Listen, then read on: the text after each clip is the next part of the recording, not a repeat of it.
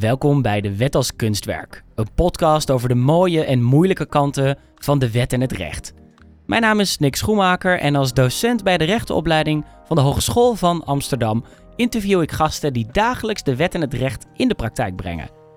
Maar wat komt er nou van de schoonheid van het recht terecht in die praktijk van alle dag? Wanneer je als bezwaarbehandelaar, legal data analyst, compliance of privacy officer of in welke andere rol dan ook met het recht aan de slag gaat. Ik bevraag mijn gasten over de schoonheid van wetten en regels, maar natuurlijk ook waar de toepassing van die wetten en regels schuurt met andere belangen. Mijn gast in deze aflevering is Hein Karskens, medeoprichter van Bos en Lommer Advocaten. Het advocatenkantoor dat hij in 1979 startte met als doel de toegang tot het recht gemakkelijker te maken. Zijn jarenlange ervaring zet Hein onder andere als hoofddocent bij de beroepsopleiding voor advocaten in. Ook is hij lid van de Raad van Discipline te Amsterdam, de instantie die klachten tegen advocaten behandelt. We gaan het vandaag met elkaar hebben over zijn ervaringen als sociaal advocaat, de gedragsregels van de advocatuur en wat hij jonge rechtenstudenten en professionals wil meegeven. Hein, fijn dat je er bent. Van harte welkom. Ja. Uh, ik ga je vijf stellingen voorleggen en dan mag je als eerste eens oneens reageren. Uh, en dan uh, gaan we daarna die stellingen afpellen. Oké. Okay. Oké, okay, de eerste stelling. Ik heb nog nooit een fout gemaakt als advocaat. Oneens. Juristen en advocaten doen in wezen hetzelfde werk. Mm, ja, eens. Iedere rechtenstudent zou ervaring op moeten doen als sociaal advocaat. Eens. Iedereen in Nederland maakt evenveel kans wanneer zijn zaak voor de rechter komt. Oneens. En de laatste, advocaten reflecteren voldoende op de gedragsregels en normen die ze zichzelf opleggen. Oneens. Oké. Okay. We gaan beginnen met de eerste. Ik heb nog nooit een fout gemaakt als advocaat. Ik, ik ga meteen maar gewoon beginnen met de kernvraag.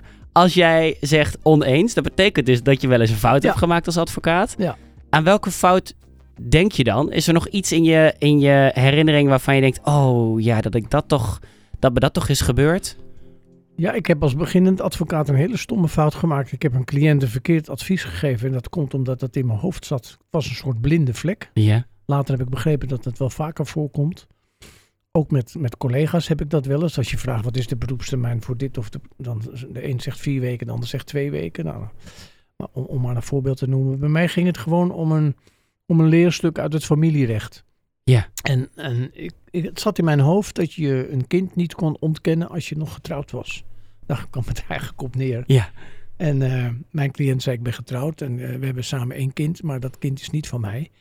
En uh, dat is van een ander, dat weet ook iedereen. Maar ja, ik ben wel getrouwd, dus het is wel mijn kind. Dus ja, juridisch gezien is het dan je kind. Dan is het ook je kind, daar moet je ook voor zorgen, et cetera. Ja, ja, ja. En, en, en dan gaan ze, gaan ze scheiden en dan, ja, dan moet je alimentatie voor dat kind betalen. Tenzij je dus gaat ontkennen dat het dat kind is. En ik dacht altijd dat dat ontkennen alleen maar na de echtscheiding kon. Waarom weet ik niet, maar dat zat gewoon in mijn hoofd. Ja. En als je in de wet kijkt, het staat helemaal nergens. Niemand heeft me uitgelachen, want er zijn collega's die zeggen: Oh, dat heb ik ook altijd zo gedacht. Oh ja. Maar in die tijd was het heel belangrijk omdat er een verjaringstermijn in zit. Hè? Dus dat is de termijn waarbinnen je actie moet ondernemen. En als die termijn verlopen is, ja, dan is je beurt voorbij, om het zo maar te zeggen. Dan is het dus definitief juridisch je kind. Precies, precies. En ja, als die meneer dat tegen mij zegt, moet ik eigenlijk onmiddellijk actie ondernemen. Ja. Want toen hadden we nog een korte termijn van een jaar. Later is dat onder druk van de Europese rechter verlengd. Maar dat was dus een advies van mij wat fout was. En dat kan grote gevolgen hebben. De cliënt vond het overigens helemaal niet erg. Die want want hoe, hoe, je bent ook advocatenopleider, daar gaan we het ook nog wel over hebben. Maar hoe, hoe ga je daar dan mee om als advocaat? Wat is dan de beste, ik zou bijna zeggen, strategie als je een fout maakt? Ja. Nou ja, er is één strategie en dat is ook voorgeschreven in de gedragsregels. Wij hebben een aantal gedragsregels. En dat, daarin staat dat als je bemerkt dat je te kort geschoten bent, zoals dat dan heet, dan moet je dat onmiddellijk met je cliënt bespreken. Ja. Onmiddellijk. En dat lijkt me best moeilijk, zeker als is, jonge advocaat. En dat doet iedereen natuurlijk. Uh, die vindt dat moeilijk. Dus Ja. het eerste wat je gaat doen is bij jezelf na, kan ik het nog repareren? Kan ik het nog Ja, herstellen? ja, kan ik het nog zo doen dat ik het de cliënt niet hoef te vertellen? En dat is misschien wel een hele menselijke reactie, maar dat kan voor de cliënt altijd nog ja, schade betekenen en nog meer schade tot gevolg hebben. Dus je moet de cliënt, daar heeft de cliënt ook recht op, Ja. in kennis stellen van je fout. En dan vervolgens bespreken, dat zegt de regel, regel ook, dat hij uh, of zij naar een andere advocaat moet gaan of kan gaan om een second opinion te vragen. Oh, dat, dat is echt iets wat je uh, uit jezelf moet aanbieden. Ja, en dat ben je verplicht om te doen. En als je dat niet doet, dan kan je van de tuchtrechter een tik op je, op je neus krijgen. En dat is natuurlijk al erg genoeg dat je een fout maakt. En dat je dat moet bekennen aan een cliënt. En, dan, en wat nog erger is, is dat je de verzekeringsmaatschappij moet in, inschakelen. We zijn allemaal verplicht verzekerd. Voor... Ook, ook als er nog niks, geen claim uh, is, ja. uh, dan ja. moet je... Ja, en veel advocaten die wel worden aangesproken. Althans, veel uh, advocaten die worden aangesproken. Die zeggen, waardoor de, de cliënten zeggen, u heeft een fout gemaakt. Dan zeggen ze, nee hoor, ik heb geen fout gemaakt. Maar nee, je moet toch die verzekeringsmaatschappij sorry, inschakelen. En die gaat het dan voor jou onderzoeken. Ja. Het is eigenlijk, ja, wij zijn wettelijk verzekerd, zoals het heet. Is net als met je auto. Je, je bent verplicht als advocaat om een verzekering af te sluiten. Je bent verplicht om een verzekering te hebben voor dit soort gevallen. Kijk, dat zijn de ernstige fouten. Er zijn natuurlijk ook minder ernstige fouten, maar, maar toch waar je bij jezelf te raden gaat van had ik het nou niet anders kunnen doen? Heb ik in deze zaak wel de goede afslag genomen, zoals we dat dan tegenwoordig noemen? Ja, ja, ja. Eh, als je een vonnis leest en je leest de overweging van een rechter waarin je niet gelijk krijgt, heb je, dan, heb je dat dan wel goed gedaan? Kan je, had je het toch niet beter zo kunnen doen? En cliënten verstellen je daar natuurlijk ook vragen over, kritische vragen over terecht. In het hele traject neem je je cliënt mee. En laat je hem meedenken en, en, en, en, en, beslissingen nemen natuurlijk.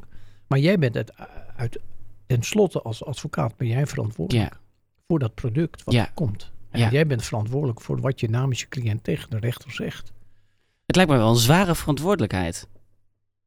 Ja, het is Ervaar je dat ook zo? Eh, nou, het is af en toe een hele zware verantwoordelijkheid. Af en toe uh, door twee, uh, door twee punten. Ten eerste je gaat met hele grote belangen om. En dan bedoel ik niet materieel geldelijke belangen, maar die zijn er natuurlijk ook. In mijn praktijk komt dat niet zoveel voor. Maar een dak boven je hoofd, verblijf in Nederland, recht hebben op, op, op een gelukkig huwelijk, om het zo maar eens te zeggen. Recht hebben op een, op, een, op een loon of op een uitkering. Niet op straat gezet worden als je vijf minuten te laat op je werk komt. Uh, niet werkloos worden bedoel ik. Ja. ja, dat zijn echt hele grote belangen. Daar kunnen mensen uh, heel erg lang ziek van, van zijn of worden. Ziek ook in de zin van niet uh, lichamelijk ziek, maar depressief van worden. En dat zijn erg grote belangen. En ontslagen op staande voet, ik zal maar, maar een voorbeeld noemen. Uh, dan, dan, ja, dat drukt in zoverre op me dat ik, daar, dat ik me echt verantwoordelijk voel voor dat belang wat die cliënt ja. heeft. Ja. En dat is niet altijd even makkelijk, omdat de cliënten ook niet allemaal hetzelfde makkelijker zijn natuurlijk. Hè? Want die zijn ook, uh, die, die voelen dat ook, die druk natuurlijk. Wat, eh, wat, is er, uh, je hebt, neem ik aan, best wel vaak dat een cliënt meegaat met je de, de rechtszaal in. Ja. als, er, als, als, als er een zitting is. Bijna altijd. bijna altijd. heb je wel eens meegemaakt dat je dacht: Oh mijn god, alsjeblieft, hou je mond. Of dat een cliënt dus eigenlijk helemaal niet goed is voor zijn eigen zaak? Dat komt voor. Eh, waar moeten we dan aan denken? En dat komt bij mijn cliënt voor, maar ik moet er meteen bij vertellen, dat komt ook bij de tegenpartij voor. En als het bij de tegenpartij voorkomt, is dat altijd een succes. Het is altijd erg leuk om te zien hoe de tegenpartij zijn eigen poten onder de stoel vandaan zaagt tijdens de zitting. Dan hoef je niks te zeggen. Dan hoef je alleen maar een beetje in de lucht te kijken. Ik zie je ook gewoon nu... Ja, dat kunnen de mensen niet horen. Maar ik zie je ook genieten. Want je, waar, waar, denk, je, denk je dan aan een specifiek voorbeeld? Nou ja, dan kijk je die rechter de hele tijd aan. En die rechter die, die hoort dat natuurlijk ook wel. Maar die kijkt niet naar jou. Want die durft niet een, een, een, een non-verbale zeg maar, blik aan mij te geven. Van oké, uh, nu weten we wel genoeg. Nou ja, je, kijk, cliënten die niet gewend zijn uh, ik moet er wel even iets bij vertellen. Om bij een rechter te zijn. Ja, bij een dat is ook spannend. Paleis van justitie. Dat is hartstikke ja, spannend ja, natuurlijk. Ja. En als je in een zaal binnenkomt waarin een rechter zit met een toga. En daarnaast ook nog iemand, een griffier met een toga. En de advocaten hebben toga's aan. Ik bereid mijn cliënten daar zo goed mogelijk op voor. Ja. Maar onder de druk van de rechter en de blik en de vraag die gesteld wordt, willen veel cliënten nog wel eens uh, ja, ik wil zeggen bezwijken. Nou ja, dat is een beetje een beetje een groot woord. Maar als ik met mijn cliënt, om een voorbeeld te noemen, uh, uitgebreid besproken heb, uh, heb je nou wel of niet die brief van 17 november ontvangen? En hij zegt nee, en hij zegt nee, en hij zegt nee. En op de zitting vraagt de rechter, heeft u die brief van 17 nou van ben nou echt niet ontvangen, meneer? Eh, En dan begint hij te stotteren. En dan zegt hij, ja, nou, dat weet ik helemaal niet meer zo zeker. Terwijl hij tegen mij drie maanden lang heeft gezegd, ik heb die brief niet ontvangen. Ik zal maar even een voorbeeld En noemen. eh, oké, dat gebeurt. Dat Wat, gebeurt. wat, wat gaat er dan door je heen? Wat is dan de, de best mogelijke reactie? Ja, pokerface. Pokerface. En als het echt heel erg wordt, dan vraag ik de rechter om de zitting eh, te schorsen. En dan wil ik met mijn cliënt even de gang op. Want dat kan natuurlijk heel Maar dan weet de rechter toch ook al genoeg als je daarom vraagt? Ja, maar dan kan je proberen nog de, de, de afloop te beïnvloeden door tegen de rechter te zeggen, mogen we even de gang op. Bijvoorbeeld Ja, met de wederpartij nog Oh ja, te onderhandelen over een andere afloop dan dat de rechter een vonnis gaat wijzen. En je kan de rechter nooit een, een groter plezier doen dan eh, tegen hem of haar te zeggen van we komen er samen, we komen er samen uit. uit. Eh, stuurt u ons maar de gang op. Ja. Je noemt nu eh, eh, het feit dat jij een rechtszaal ingaat. En, en dat, dat is misschien een heel eh, bazaal gegeven, maar eh, dat is een privilege van de advocaat. Ja. Ik, ik stel je, eh, of ik leg je eigenlijk de stelling voor: juristen en advocaat doen in wezen hetzelfde werk.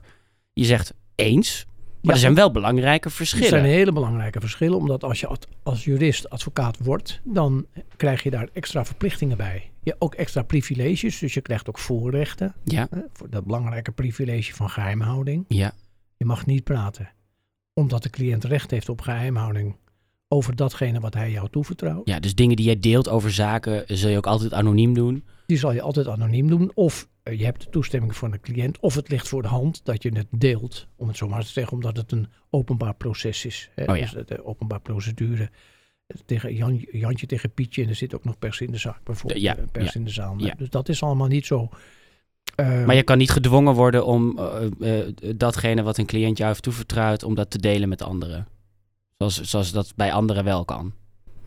Ja, dat is een goede vraag. Eh, Of gaan we nu heel diep de... Nou, nee, er is, er, is, er is één wettelijke bepaling die zegt dat je verplicht bent om te praten, terwijl je eigenlijk dat niet mag. Dus de, de, de advocatenwet zegt je geheimhouding, dus je mag niet praten. Maar de andere wet, dat- ik bedoel de wet WWFT, dat gaat Ja. over witwassen. Ja. En die zegt dat je als advocaat een melding moet doen als je het vermoeden hebt dat er sprake is van witwassen, zeg ik maar even, eh, Ja. kort. Ja. Het is helemaal iets Het is, ingewikkelder. het is waarschijnlijk iets ja, En, gecompliceerder. eh, ja. uitzonderingen zitten erop. Maar Ja. dan, eh, dat is heel raar, want dan mag je dus niet tegen je cliënt zeggen dat je moet melden. En je moet wel melden. En als je niet gemeld hebt, terwijl achteraf blijkt dat je had moeten melden, dan heb je de wet overtreden. Ja. En als je wel gemeld hebt, terwijl je niet had mogen melden, Heb je ook de wet overtreden? heb je ook de wet over. Heb je die andere wet Het overtreden. lijkt me een... een Dus dat noemen we echt een, een dilemma. Ja. En, en, en we leggen dat de jonge advocaten ook uit. En dat is, want dan hebben we het de hele tijd over geheimhouding eh, eh, onderwezen, om het zo maar te zeggen. En dan opeens zeggen we ja, maar er is ook nog een wet en die zegt dat je moet melden. Dus dat is altijd heel erg lastig. Gelukkig voorziet de wet daar ook wel in. Ja. Dus het- is allemaal niet zo heel zwart-wit zoals ik het nu vertel, maar dat komt in wezen wel daarop Ja. neer. En, en, en je, je noemt nu, je noemt nu, eh, dat vertellen we ook jonge advocaten. Je, bent, je, je vormt een belangrijk onderdeel van de eh, beroepsopleiding advocaten. Samen met andere docenten. Eh, heb je het onder andere over ethiek. Ja. Ehm, ik- is er in die beroepsopleiding voor advocaten ook aandacht voor het verschil tussen juristen en, en advocaten? En als jij het aan jonge eh, startende advocaten moet uitleggen, hoe zou je dan het belangrijkste verschil duiden? Nou ja, wij vragen ze tegenwoordig wat. Toen je beëdigd werd, want je wordt als advocaat beëdigd bij de rechtbank. En je mocht die toga aantrekken en er zat familie in de zaal, et cetera. Maar wat gebeurde er de dag daarna? Heb je je toen gerealiseerd dat je advocaat bent? En wat betekent dat dan eigenlijk voor je? Niet dat je dan eh, een toga mag aantrekken, maar eh, wat zijn de verplichtingen die je als advocaat hebt? En welke privileges staan daar tegenover? Ja, En dus de verplichting eh, tot verplichte procesvertegenwoordiging. Want ja, daar begon je je vraag mee. Je Ja. mag de rechtszaal binnen met je toga. Ja, dat noemen wij procesvertegenwoordiging. Ehm, en er zijn burgers of eh, rechtszoekenden die kunnen niet, mogen niet zelfs zonder advocaat een procedure beginnen. Dat geldt niet voor alle procedures, moet ik erbij vertellen. Ja. Dat betekent wel een verplichting voor de advocatuur om ervoor te zorgen dat die mensen ook toegang tot het recht hebben. Dat was je laatste stelling, komen we straks nog, Ja. misschien nog op terug. ja. En dat, dat is een bel- belangrijke verplichting die ook weer allemaal verplichtingen met zich meebrengt. Daarnaast heb je natuurlijk een privilege, dus het voorrecht. Dat zou je verplichte procesvertegenwoordiging ook kunnen noemen natuurlijk. Mhm, mhm. En dat is onder andere de geheimhouding. Ja. Maar ook dat je op je woord wordt geloofd, zeggen wij altijd. En dat betekent dat als je als, als, als advocaat met je toga aan in de zaal bij de rechter staat, de rechter vraagt je iets. En dan gaat iedereen ervan uit dat je op je woord wordt geloofd. wil niet zeggen dat je altijd de waarheid moet vertellen in de zin van mijn cliënt heeft het wel of niet gedaan. Daar gaat het verder niet om. Maar wel eh, een eenvoudige vraag als eh, wie heeft u meegenomen? Eh, waar is uw cliënt? Is hij ziek of niet? Een soort hele Gaat, dat wel eens, gaat dat wel eens mis in dat de praktijk? eens- dat gaat wel eens mis. En ja. wat gebeurt er dan bijvoorbeeld? Denk je dan aan- ook weer aan een concreet voorbeeld? Wat- ja, we hebben een advocaat gehad die in, een, in een zaak, in een belastingzaak, waarin de, die worden behandeld achter gesloten deuren. En die had iemand meegenomen en de rechter vroeg wie heeft u meegenomen?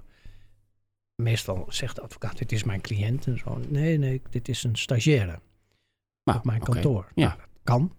Dus hij wordt geloofd, dus die zaak wordt behandeld. Maar die bleek geen stagiaire te zijn, maar een journalist van de Telegraaf die al over deze Luxemburgse fraudeaffaire publiceerde. Ja, en die ging toen de verslag doen van de hele zitting. En daar is de rechtbank en ook anderen, zoals de deken en de tuchtrechter, heel erg boos over geworden. Ja. Ja, want er is ook iets bijzonders in de advocatuur.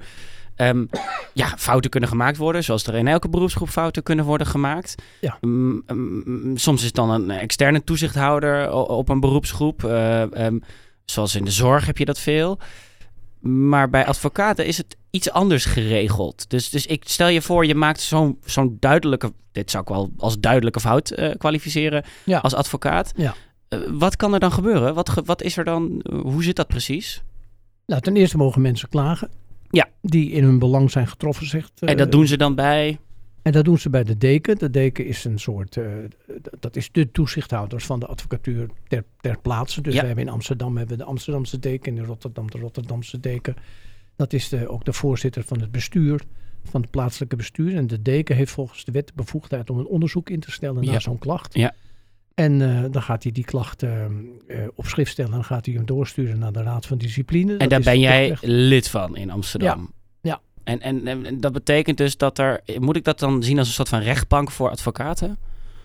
Ja, zo zou je het kunnen zien. Daar komen, daar komen eh, klagers, dus cliënten, mensen die hebben een klacht over hun advocaat of over de advocaat van de wederpartij. En je moet er wel nog een belang bij hebben. Je mag niet over iedereen gaan klagen. Dus als je nou Gerard Sprong op de televisie hebt gezien en je denkt, god, wat een... eh dan zit hij daar slap de... Oude eh, hoeren. uit de oude hoeren. Ik ga eens een klacht over hem indienen. Dat- Dat, dat- gebeurt overigens heel veel. Hè. Mensen, mensen schrijven brieven aan de koningin of aan de koning en Ja. aan de president van eh, je moet die Kaskus, die moet je echt een keer van het tableau schrappen, want het is verschrikkelijk. Maar die klachten worden on, niet ontvankelijk Die verklaard. worden niet ontvankelijk.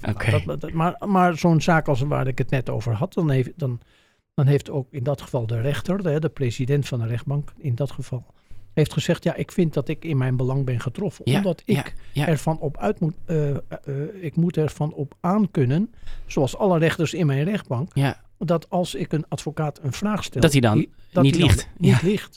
En als we dat niet, als we die regel laten varen, ja, dan wordt het, dan wordt het rechtsbedrijf nog ingewikkelder. Ik, eh, hè, dan moet ik elke advocaat eerst gaan eh, controleren of hij wel advocaat is. Dus identi- identiteitscontrole, maar dan ook kan ik hem geen vragen meer stellen. Dus dat is echt heel ernstig. De Belastingdienst heeft ook een klacht ingediend, want die zat in Ja. zaak natuurlijk. ja. En ook de deken, waar ik het dus net over had, zeg maar de toezichthouder van deze advocaat, heeft ook een klacht ingediend. En ehm, ja, dat, dat was een, eh, een, laten we zeggen, grote zaak eh, Ja. bij de, bij de rechtbank voor, voor, voor advocaten. En die advocaat kon ook verplicht, eh, ik dacht, drie maanden op vakantie. Ja. Zoals we dat En in ultimo eh, kan, eh, zoals dat dan, het vind ik toch wel een mooi oud, bijna archaïs taalgebruik van het tableau geschrapt worden. Dus Ja. als Ja. je het echt heel bond maakt als advocaat en de regels overtreedt, ja, dan kan het zijn dat je echt wordt gezegd, jij mag geen advocaat meer zijn. Jij mag niet meer deel uitmaken van de beroepsgroep. En dat is een hele, Hele zware. hele zware, forse Ja, maatregel. Want ja, je belemmert iemand om advocaat te zijn. Maar goed, dat heeft dan te maken met het vertrouwen wat in de beroepsgroep geldt. En dat je deel uitmaakt van, dat, van die beroepsgroep. En dat je ook beseft wat dat betekent. Vertrouwen eh, dat eh, in de beroepsgroep van advocatuur gesteld moet kunnen worden. Ja. Omdat we een belangrijk onderdeel zijn van het functioneren van de rechtsstaat. Samen Ja. met de rechterlijke macht, het openbaar ministerie. En eh, ja, als je die verplichting hebt als advocaat, dan ehm, moet je ook beseffen dat je je daaraan moet houden. Dus je kan niet zomaar ja, allemaal dingetjes doen eh, waarvan wij zeggen dat is, zoals we dat noemen, onbetamelijk. Ook een oud woord misschien, maar dat staat nu eenmaal zo in de Ja, wet. ja, En eh, als je regeltjes overtreedt en wij vinden dat dat niet kan, ja, dan kan in het uiterste geval. Er gaat meestal wel een heleboel aan vooraf voor. Het is Ja, niet zo dat je één keer een fout maakt dat je geschrapt wordt. Dat gebeurt nooit. Maar ehm, dan kan er in het uiterste geval gezegd worden: ja, wij vinden dat u niet langer tot de beroepsgroep behoort. ja. Het zijn bijvoorbeeld advocaten die. eh, ik vind dat altijd nog heel moeilijk. Maar ja, die, die, die, die schelden de rechter uit, zal ik maar zeggen. Hè. Die kennen de kernwaarden niet. Die kunnen niet onafhankelijk zijn van hun cliënt. Die gaan helemaal met hun cliënt mee. Ze zijn op, in woord en geschrift zijn ze ook, ehm, vliegen ze volledig uit de bocht. En dan krijgen ze eerst allemaal waarschuwingen en berispingen. En van dan moet je het anders doen. Maar er zijn er bij die dat niet doen. Ja, en dan uiteindelijk kunnen ze worden geschrapt. ja. Ze blijven jurist, om op je vraag ja, te komen. ja. Ze blijven jurist en ze kunnen ook als niet-advocaat weer allemaal procedures voeren. Voor, eh, voor de bestuursrechter bijvoorbeeld en in het sociaal verzekeringsrecht. En Maar ze op- raken die privileges en de verplichtingen van de, van de advocaat Ja. raken ze kwijt. Ja. En dit is natuurlijk een wat minder glamoureus onderdeel misschien van het zijn van advocaat dat dit erbij hoort. Maar ik heb het idee dat studenten eh, eh, van, van hbo-rechtenopleidingen, maar ook zeker gewoon van academische rechtenopleidingen, ja, toch een best wel nou, romantisch beeld wil ik misschien niet zeggen van de advocatuur hebben, maar wel een soort van, eh, die dichten dat, dat, dat beroep wel een enorme status toe. En, en- nu vraag ik me af, ja, je je zegt iedere rechtenstudent die moet ervaring opdoen als sociaal advocaat, daar ben je het mee eens. Hebben, hebben mensen, rechtenstudenten in het algemeen, of misschien mensen in het algemeen in Nederland, hebben die wel een goed beeld van de advocatuur? ja, dat weet ik niet. Eh, Ik, eh, er zijn veel advocaten op de televisie waarvan ik denk blijf thuis. Want je hebt toch niks te zeggen. Je mag ook helemaal niks zeggen omdat, omdat je een cliënt hebt. Er zijn ook advocaten op de televisie die leggen iets uit. Ja, Ik noemde net Gerard Sprong. Daar heb Ja. ik altijd bewondering voor. Hoe, de, hoe die iets uitlegt. Niet Ja. omdat hij advocaat van X, Y of Z is. Maar dan legt hij iets uit wat dat betekent. En nou, dat, dat is natuurlijk heel, heel goed. is heel prima. Maar het is voor sommige advocaten soms heel erg moeilijk om uit te leggen wat een advocaat dan doet. En wat, ja. Ze denken wel dat ze dat kunnen, maar dat doen ze echt niet goed. En als we dan inzoomen op jouw rol, want jij, je hebt eh, eh, in 1979 samen met andere eh, Bos en Lommer advocaten opgericht. En Ja. dat is een sociaal advocatenkantoor. Ja. En dat heeft volgens mij heel weinig te maken met wat er bijvoorbeeld op de Zuidas gebeurt in, in de grote kantoren. Of Nou, heb, ik, heb ik dat niet wat- goed? Nee, jawel. Voor wat betreft de praktijk. Er zijn natuurlijk in Amsterdam een heleboel advocatenkantoren die verschillende soorten praktijk hebben. Ja, En, en, eh, er komen steeds meer niche-kantoren. Wij waren eigenlijk toen ook een niche-kantoor, zoals dat dan heet. ja, En, ehm, en, en, en wij doen niet de zaken die de Zuidas doet. Dus we doen geen, ehm, geen fusies en overnames en, en ook geen eh faillissementen. Wij eh, helpen alleen eh, de burger die in de knel is gekomen. ja. Dat is, zo, zo zou je het kunnen zeggen. Maar waarom is het zo belangrijk, wat jou betreft, dat rechtenstudenten ervaring opdoen in die Ja. sociale advocatuur? Omdat ik vind dat ze dat. Kijk, je leert op, op, op de universiteit of op de hogeschool leer je natuurlijk de, de, de regels. En, en, en hoe het systeem in elkaar zit. Maar hoe werkt het nou precies? Ja, En ehm, dat, de, de- het recht kom je eigenlijk alleen maar tegen in de uiterste uithoeken van de samenleving, zeg ik wel eens. Hm. Dat betekent eh, die mensen die in de problemen komen en opeens worden geconfronteerd met deurwaarders of met ambtenaren die allemaal aanslagen gaan opleggen. Eh, kijk naar de kinder. eh, of van toeslagaffaire, ja. Ehm, hoe worden die regels dan toegepast? Want je, je, je, komt in aanraking met, met regels die zijn toegepast. En eh, wat kan je daar vervolgens tegen doen? Hoe, hoe vind je een weg om die, om die burger te helpen? Met andere woorden, ook als twee burgers ruzie hebben met elkaar, dat kan natuurlijk ook. Hè? Of ook in het strafrecht natuurlijk. Hè? De, de, de misdrijven die gepleegd worden en de slachtoffers. Hoe, hoe ga je daarmee om? En wat kan je daarvoor betekenen? Met andere woorden, gaan die regels die je, die, en het systeem wat je geleerd hebt, hoe gaan die leven?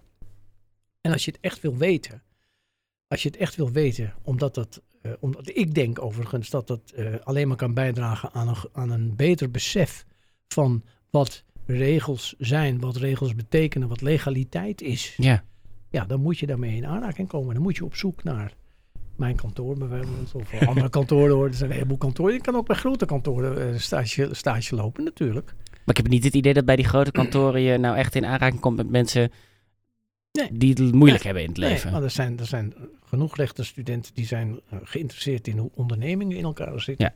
En, en, en, en goed bestuurderschap. Waarom heb jij voor, voor eh, niet, niet, juist niet die richting gekozen, maar waarom ben jij voor de sociale advocatuur gegaan? Ja, ik heb tijdens mijn studie heb ik, ehm, eh, ben ik geïnteresseerd geraakt in, en dat was misschien ook wel de geest van de tijd, in de burger tegen de overheid. Ik zeg tegen de overheid, maar dat was toen echt wel een andere tijd. Ja, Maar hoe, hoe, hoe is de rechtsbescherming van de burger georganiseerd? Je ziet het overigens nu. Het is nog steeds een actueel onderwerp. Hè? volgens mij Ja. ook. Wat kan de burger doen als de overheid om hem heen valt, over hem heen valt? Eh, en dat kan natuurlijk in het strafrecht, dat ligt voor de hand. Maar dat kan ook in het bestuursrecht. heet. Vroeger was dat staatsrecht, nu het bestuursrecht Ja. van de overheid. Neemt allerlei maatregelen, denkt niet na, is willekeurig, eh, eh, maakt zich schuldig aan onbehoorlijk bestuur. En er zijn mensen, kleine ondernemers ook overigens natuurlijk, die, hebben daar, die kunnen daar enorme last van, schade van hebben. Nou ja, goed. Waar, waar het mij om ging is, wat is het systeem om de rechter die, eh, sorry, om die burger tegenover die overheid die rechtsbescherming te geven. Dus, en dan heb je alweer de toegang tot de rechter. Heeft die burger wel toegang tot het recht genoeg? De grondwet, grondwet zegt, ja, wij, wij moeten als staat dat ook verlenen. Dan Ja. is dat wel goed geregeld en voldoende geregeld. En zo kwam ik tijdens mijn studie maar daar, dat, dat is een, een groots idee. Dat klinkt als een groots idee. Dat, hè, bescherming bieden voor burgers, eh, de, de, eh, de, ik zou bijna zeggen, de bijna hulpeloze burger tegen de machtige overheid. Ja, ja. Hoe, hoe komt dat dan in de praktijk tot uiting? Jouw eerste paar zaken, kun je nog, herinner jij nog een zaak uit de, uit de begintijd van, je, van jou, jouw rol als advocaat? Jazeker. Zeker. Zeker. En, en, en die herinner ik mij door mijn cliënten. Want dat is het leuke van het vak natuurlijk. hè. Ja, Wij zitten, tenminste ik in ieder geval, niet de hele dag achter, eh, achter ons eh, eh, bureau de hele tijd te studeren en moeilijke stukken te schrijven. We, we hebben contact met onze cliënten. En cliënten beïnvloeden ons ook natuurlijk, althans mij in ieder geval wel, in het denken en hoe ik in de wereld sta. en aan wie denk je dan? Als je dit vertelt? Aan welke cliënt, welke zaak uit je begintijd? Ja, ik heb een keer een, eh, helemaal in het begin een cliënt gehad en dat is ook een. eh, hij is lang bij me gebleven, maar. ehm, en die, ja, die had iets besteld wat hij niet kreeg, laat ik het maar even voorzichtig omschrijven. en, en, en, en toen ben ik voor het eerst met hem, want dat was mijn eerste kort geding, ben ik helemaal naar Groningen gegaan in de trein en hij was drie keer zo zenuwachtig als ik en ik was al zenuwachtig. Want dat was mijn eerste advocaat, mijn eerste advocaat, Ja. eh, optreden in kort geding. En hij lulde me de oren van mijn kop. en ik zei, ja, ik moet het dossier nog even voorbereiden. Maar dat durfde ik ook niet zo hard op te zeggen. Want dan denkt hij natuurlijk, god, moet je dat nou nog doen? En waar we kwamen in Groningen bij de, bij de president van de rechtbank toen. En toen was de tegenpartij niet verschenen. Dus we zaten daar eigenlijk ja, bij de rechter. En die zei, nou ja, er is geen tegenpartij. Dus u kunt over twee weken mijn vonnis, krijgt u mijn vonnis. En dan gingen we weer terug naar Amsterdam, Ja. drie uur in de trein. Ja. En, en die cliënt begreep er helemaal niets meer van. Die keek mij aan en die zei, wat is er gebeurd? Hebben we gewonnen? ik zeg, ja, we hebben gewonnen. Want de tegenpartij is er niet, dus dan wordt het toegewezen. Oh, zegt hij, maar als we dan terug zijn in, in Amsterdam en ze vragen hoe het ging, dan zeggen we wel, we hebben gevochten als leeuwen. Ik zeg, ja, precies. We hebben gevochten. Samen trokken we op. En eh, hij kreeg ook gelijk. Ik moet er nog even bij vertellen. Hij kreeg ook gelijk. Maar Ja. hij, kreeg, hij kreeg niet wat hij wilde hebben. Want de tegenpartij ging failliet. Dat zijn overigens, heel, dat zijn overigens hele frustrerende zaken. die je wel wint. Ja. Maar die dan buiten het systeem vallen. Omdat de tegenpartij geen verhaal biedt. ja. En eh, toen is hij naar radio. Dat was toen Radio Stad. Tegenwoordig ATV. ja, ja, ja, ja. Radio Stad had een klaaglijn, was heel beroemd. En dan kon je eh, bellen met klaaglijn. En hij, klaag, hij ging bellen. Hij ging niet over mij klagen, maar hij ging over dit geval klagen. Dat Ja. ik geen geld kreeg. Ja. En hij barst in huilen uit. Ik weet nog dat ik dat, die uitzending ook gehoord heb. En hij was zo zielig. Dat, ja, er kwamen meteen allemaal donaties van luisteraars. Oh, Tegenwoordig zou je dat crowdfunding noemen, geloof ik.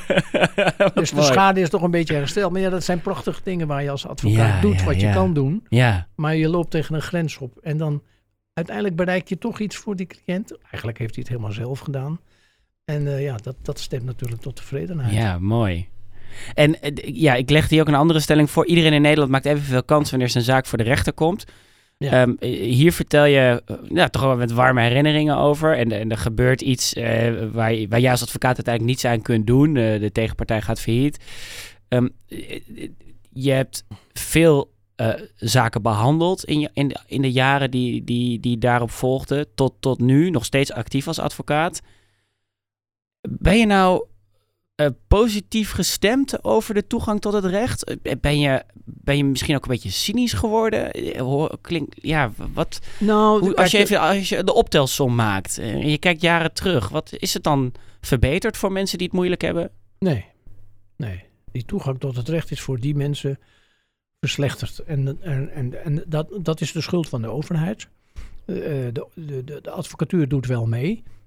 We hebben, zoals gezegd, de verplichting om ervoor te zorgen dat die mensen toegang tot het recht hebben. Dus wij Ja. moeten dat ook als advocatuur opvatten, oppakken. Ja, Ehm, maar ja, het kost geld. Dus mensen zijn ook, ook, ook bang dat het heel veel geld kost. En dat, zijn, dat, dat is ook terecht, want het kost ook heel veel geld. ja, Toen ik begon, toen was dat gratis. Dat wil zeggen dat ik betaald werd via een systeem door de overheid. Maar nu moet de burger een eigen bijdrage betalen. Die is steeds hoger geworden. Ja. Hij is nu al 850 euro uit mijn maar dat betekent dat iemand, ik, ik, ik, ik, probeer het even concreet te maken. Dus iemand, iemand heeft, eh, stel eh, iemand krijgt een uitkering. Eh, een gemeente Amsterdam, bijstandsuitkering. En die wordt op de een of andere reden stopgezet. En, en die, die persoon is daar niet mee eens. En die gaat in beroep. Die, die- hoe, hoe gaat dat dan in de praktijk? Je komt bij jou terecht. Hij Die zegt, bij- meneer Karstens, kunt u mij helpen? Hij Want, kan bij mij terecht. Hij kan eh, bij, naar een advocaat. En die advocaat kan dan een bezwaarschrift indienen. Hè, dus een brief van ik ben het er niet mee Precies. eens. En als de gemeente zegt, eh, nou we hebben het bezwaar behandeld, maar we blijven bij ons standpunt. Dan kunnen, ze, naar- dan kunnen we in beroep. Dan kunnen we naar de rechter. En dan moet de rechter beoordelen of de gemeente het wel redelijk heeft en gedaan. eh, vanaf dat moment moet een cliënt verplicht die kosten betalen. Ja, als hij, hij hoeft niet mijn hele tarief te betalen, want dat kan hij niet Maar die eigen bijdrage. Maar wel die eigen bijdrage. Dan moet ik er wel bij zetten dat iemand een uitkering heeft. Dat geldt voor de gemeente Amsterdam overigens. Van de DWI. Dan kan die, uitkering, eh, dan kan die eigen bijdrage betaald worden door de DWI. Dus dat is in het kader van... Dat is niet voor, bij elke gemeente overigens zo. Ehm, en dat is alleen, eh, geldt ook alleen voor de laagste eigen bijdrage. Oké, Maar iedereen heeft dus wel dan de mogelijkheid om naar de rechter te gaan. maar er is wel dus die financiële drempel. En er is een financiële drempel en er is een inhoudelijke drempel. Dus de overheid beoordeelt, heeft deze persoon wel een advocaat nodig? En dat laatste is in de loop der tijd wel heel erg verslechterd. Veel strenger geworden. Maar wie de- bepaalt het dan? Ja, dat is de Raad voor Rechtsbijstand. Het is een instituut van de overheid. Dus telkens als je voor een cliënt gaat optreden, dan moet je daar toestemming vragen.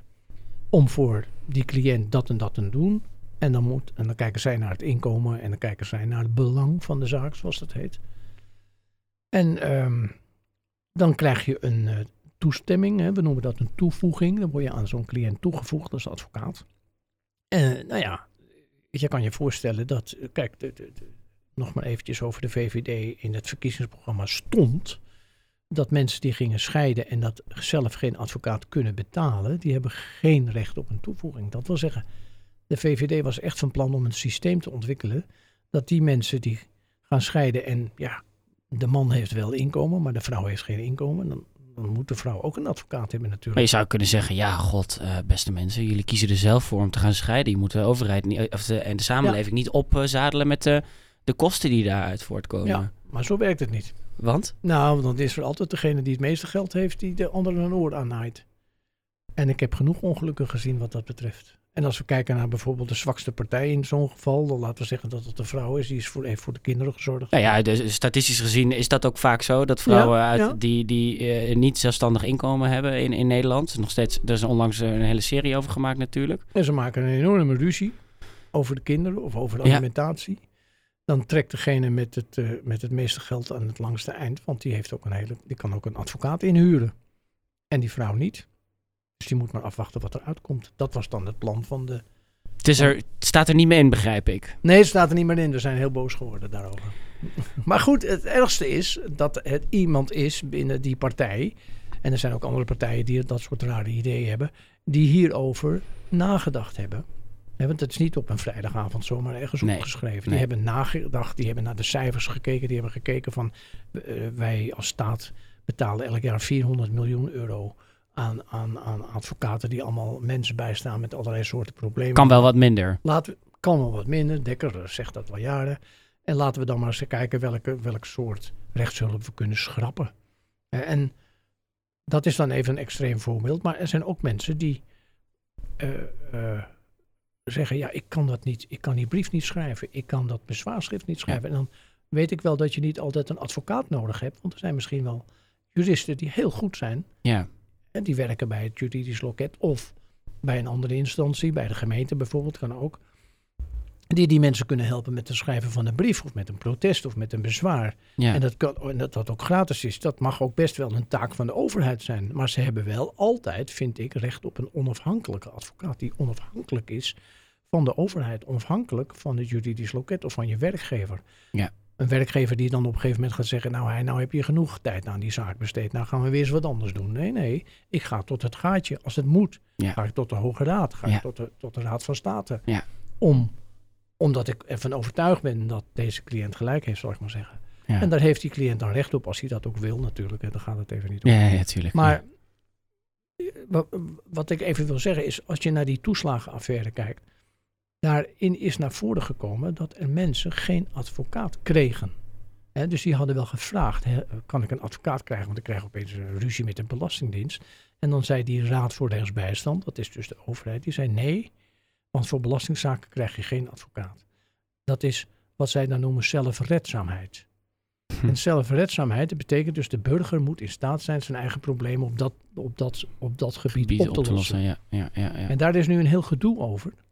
Vanwege die. Het is een beetje gek als de overheid enerzijds zegt, eh, wij gaan jou iets onthouden of je, jij moet iets terugbetalen. En tegelijkertijd ook zegt, eh, wij bepalen ook dat jij geen hulp krijgt om dat te doen. Ja, precies. En als dat de Belastingdienst is, dan, nou ja goed, ik hoef verder niks te vertellen over de affaire, want dat weet je ook wel. Maar daar zijn de gevolgen voor de burgers enorm Ja. groot geworden. Ja. Die hebben echt Ja. heel veel schade geleden. En gelukkig is er één advocaat. Eva González. eh, ja, ge- zeer ja. gewaardeerde collega. Die Ja. ook zegt, eerlijk gezegd, van ik wist ook niet waar ik aan begon. Ja. Toen, toen Ja. ik de eerste cliënt Ja. kreeg. Ja. En ook geloof ik haar man. Zich die- vastgebe vastgebeten heeft in die ja, zaak. die zich daar dan vastgebeten heeft. En als zij er niet geweest was, zouden er ook, zijn ook nog andere advocaten geweest, dat moet ik erbij zeggen. Ja, ja, ja. Maar dan hadden we misschien die zaak niet eh, bij de Raad van State uiteindelijk, uiteindelijk, hè, want het heeft veel procederen gekost, eh, eh, om zeep kunnen helpen. Dus dan hadden we de belasting niet over de klink kunnen helpen. In ieder geval, die mensen zijn daarmee geholpen dat de rechter uiteindelijk heeft ingegrepen. En dat hoort ook zo te zijn. De rechter moet de overheid controleren. Ja. En de rechter moet de moed hebben om te zeggen, overheid, je, bent, je zit fout. En daar komt nu nog een heel onderzoek naar. Hè? Ja. En, en, en iedereen heeft zijn mond vol dan over de rechtsstaat. Maar zo, ik moet nog even zien dat de nieuwe regering dat ook inderdaad gaat doen. ja, en ook gaat financieren dus. En, en dus ook gaat financieren. Dat kost gewoon de staat heel veel geld. Of ja, een paar honderd miljoen. En dat is een onderdeel van de verplichting die de staat heeft om te zorgen voor toegang tot het recht. Net als wij toegang tot de medische zorg moeten hebben. Ik begrijp wel dat het geld kost en dat we soms zelf een eigen bijdrage moeten betalen. Dat begrijp ik allemaal wel. Maar er, zijn een, ja, er is een aantal voorzieningen die de overheid moet treffen. Dat is onderwijs. Elk kind moet naar school kunnen. Iedereen moet naar de dokter kunnen. En ook iedereen moet naar de rechter kunnen. Als dat noodzakelijk is. En Is dat, is dat besef, denk je, voldoende ingedaald bij, bij veel mensen? Ja, mensen in, in Den Haag bedoel je? Nou, laten we daar eens mee Ja, beginnen. kijk, de mensen hebben natuurlijk, eh, laten, laten we zeggen, de burger die, die geen problemen heeft, die, heeft, die is natuurlijk geïnteresseerd in, ik, ik moet naar de dokter kunnen, ik, moet- ik moet Ja, een dak boven mijn hoofd hebben. En ik moet, Het is evident. dat is evident, dat vindt iedereen. En we leven in een beschaafde eh, een, eh, samenleving waarin we, dat, waarin we dat vinden. Ik zou bijna zeggen, iedereen zou een keertje voor de rechter moeten hebben gestaan. Zou eens een keer een zaak moeten hebben meegemaakt. Nou, Heb je eigenlijk zelf wel eens eh, Ja. in die rol gezeten? ja, ja, En hoe heb je dat ervaren? ik heb daar heel veel van geleerd. Ja? Ik had ook een hele goede advocaat genomen. Want ik heb mezelf niet verdedigd. Nee. Uiteraard, dat wist ik ook. Want als je jezelf verdedigt, dan heb je een dwaas als cliënt. Oké. Ja. Dus dat kan je ook niet. Maar er zijn advocaten overigens die dat wel doen hoor. Maar ik heb er heel veel van geleerd. En terwijl ik die zaal kende, en ik kende die rechter zelfs, ik kende de advocaat van de wederpartij, ik kende, Ik kende iedereen en ik werd toch geraakt door opmerkingen van de wederpartij, door vragen die de rechter mij stelde. Ja. En dan ben je dan zelf een professional. Dus ik heb er zelf heel veel van geleerd. En ik kan iedereen aanraden dat, dat als je, ook, ook als het een vrij onschuldige, onschuldig iets is, maar als je voor de rechter moet komen en je besluit ook om erheen te gaan. Nou, ik kan iedereen aanraden om dat ook te doen, om eens mee te kijken naar hoe dat rechtsbedrijf eigenlijk functioneert. Ja. Overigens, de rechtbank is heel transparant, hè. Eh, in de zin van open dagen. Dus elk jaar zijn er open dagen. Ja, in deze tijd ja, in deze tijd natuurlijk wat lastiger. wat Ja. lastiger, maar vragen stellen en zelf achter die tafel gaan zitten en een toga aantrekken. Voor, zeker voor, voor studenten, maar ook voor kinderen die dat interessant vinden natuurlijk. We hebben ook een project advocaten in de klas. Ja. Dus dat, dat, dat, dat is allemaal onderdeel van het rechtsbedrijf wat echt wel bekend mag zijn bij de burger. Ja. Hey, la- laatste stelling die ik aan je wil voorleggen. Advocaten reflecteren voldoende op de gedragsregels en normen die ze zichzelf opleggen. Volgens mij twijfelde je een beetje, maar uiteindelijk is, zei je toch oneens? Ja, ik vind dat dat wel beter kan, als ik het zo zeg. Ik ben natuurlijk tuchtrechter ook en ik zie dat dat dan gebeurt. En ik zie dat mensen fouten maken. En nogmaals, dat is eh, niet Menselijk. Dat is menselijk. En wij zeggen wel eens, eh, als we dan met elkaar over een zaak moeten beslissen, oké, is het nou fout of is het slecht? Hm. En als het slecht is, dan moet hij een tik op zijn vingers krijgen. Dan Ja. moet hij een waarschuwing krijgen. Meestal is in de voorfase dat allemaal al een keer tegen hem gezegd of tegen haar. Nou, advocaten ja, reflecteren dan toch te weinig op hun kernwaarden. hè. We, we- we- die staan in de wet. Wat, wat zijn mijn kernwaarden van het beroep? Dat ik partijdig moet zijn, onafhankelijk, geheimhouding. Maar dat ik integriteit is een hele moeilijke kwestie, maar, of een moeilijk begrip misschien, maar wel heel erg essentieel voor de advocaat. Ja. Omdat je namelijk vertrouwen krijgt Ja. van een burger of van iemand die in de problemen zit en die jou nodig heeft. En dan kan je niet zeggen, ja, ik kost eh, zoveel honderd per uur. Nee, het begint met het vertrouwen wat je krijgt.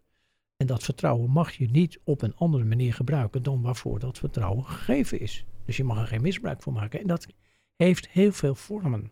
Vormen in de zin van, ja, je dienstverlening is niet in orde. Of, of je, bent, eh, je hebt er een eigen belang bij gekregen. Dat Ja. kan allemaal. Maar dat zijn toch echt wel kernwaarden waarop een advocaat moet blijven reflecteren gedurende, ja, eigenlijk, eigenlijk altijd. Ja. Aan het begin van de zaak, tijdens de zaak, na de zaak. Nou, ik zei het al, het, het klinkt als een behoorlijk zware verantwoordelijkheid. Hoe heb jij dat dan zelf Nou, ervaren? Kijk, je loopt, gewoon, je loopt tegen dingen aan en je, wordt, en, je wordt, en je wordt er wel eens op gewezen door je kantoorgenoot of door Ja. je patroon. En daarom worden advocaten ook opgeleid. Hè, Ja. Drie En de, jaar. de patroon is zeg maar de be- interne begeleider, van de Begeleider. de advocaat. verplichte begeleider. En die houdt, eh, eh, die houdt je bij de hand, om het zo maar eens te zeggen. En die wijst je ook op fouten die je maakt. En in je enthousiasme in het begin maak je fouten. Ja. Hè, je, je schrijft eh, dingen aan, aan, aan, aan, aan de wederpartij die je eigenlijk niet beter niet had kunnen schrijven. Of, of, of, of je schrijft aan de rechter dingen die je beter niet had kunnen. Je moet een beetje leren wat tactiek is en wat, wat procestactiek is. Dat moet je allemaal een beetje leren. Waar heb jij het meest van geleerd? Ja, eh, inhoudelijk eh, van mijn praktijk en dus van mijn eh, collega's ook. Ja. Overigens ook van collega's van de tegenpartij. Daar heb ik ook heel veel van geleerd. Oh, in welke zin? Nou ja, je, je leest schitterende brieven. Of je leest prachtige processtukken. Je leest stellingen in, in, in, in, in procedures. En dat is dan weliswaar tegen jouw cliënt. Maar dan denk ik, nou, dat is, dat Goed is gedaan. goede- dat is een goede stelling. Daar moet ik dus nog scherper op zijn. Oh ja. Dan moet ik, volgende keer kan ik misschien die stelling ook gebruiken. Dat kan ook maar nee, daar moet ik scherp op zijn. Eh, dus dat is één. En, en voor wat betreft de, de attitude, de hoe moet je je gedragen. ja.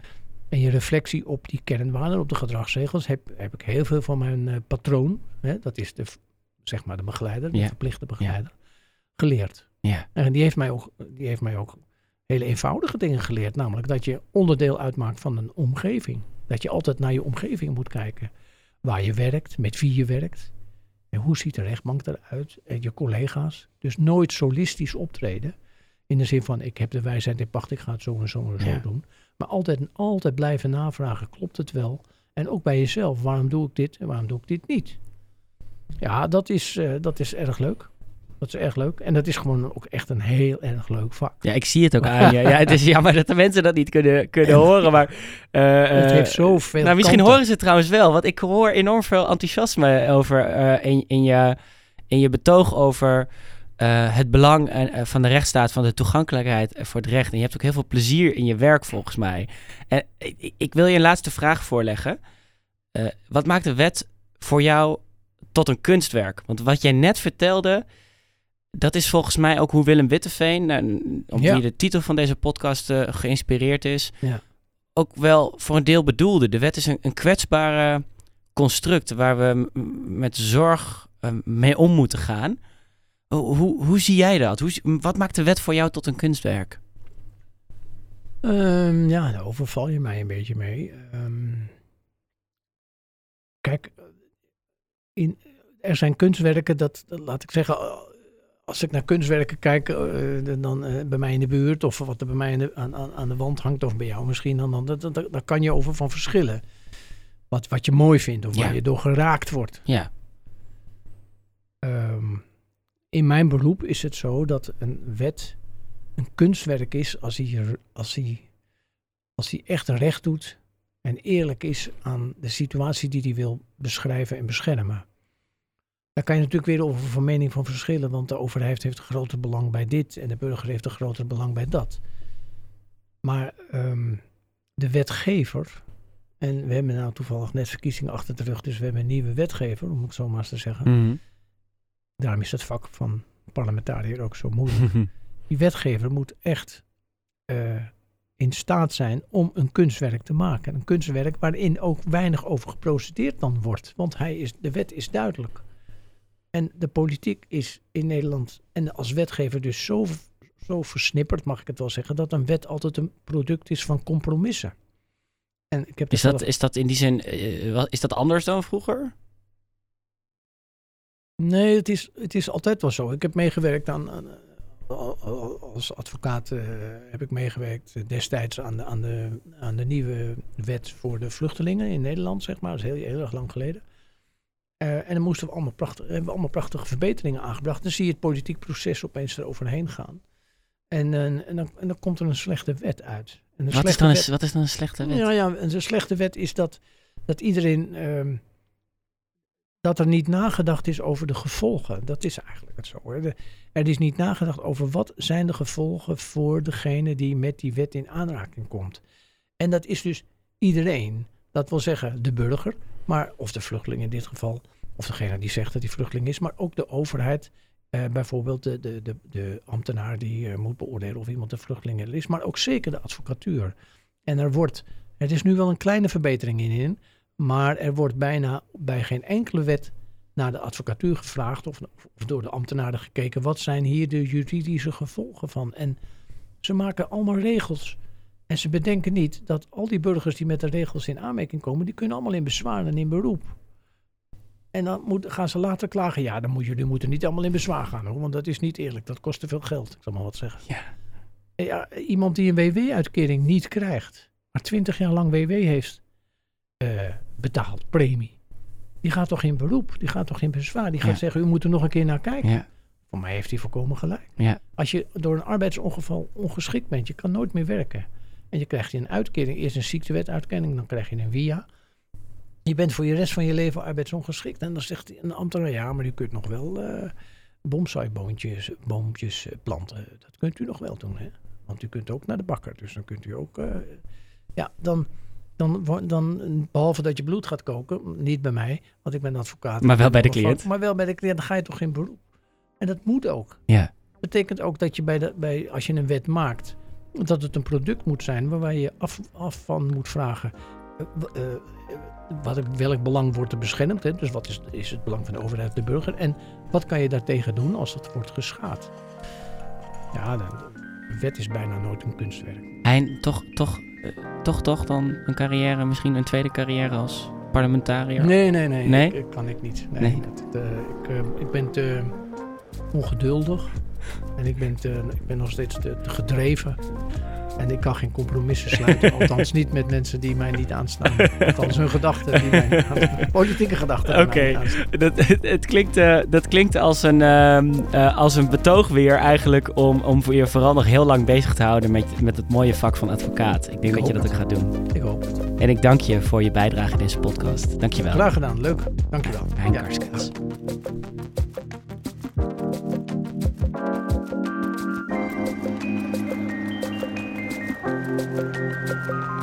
Wet als Kunstwerk is een productie van de Hogeschool van Amsterdam.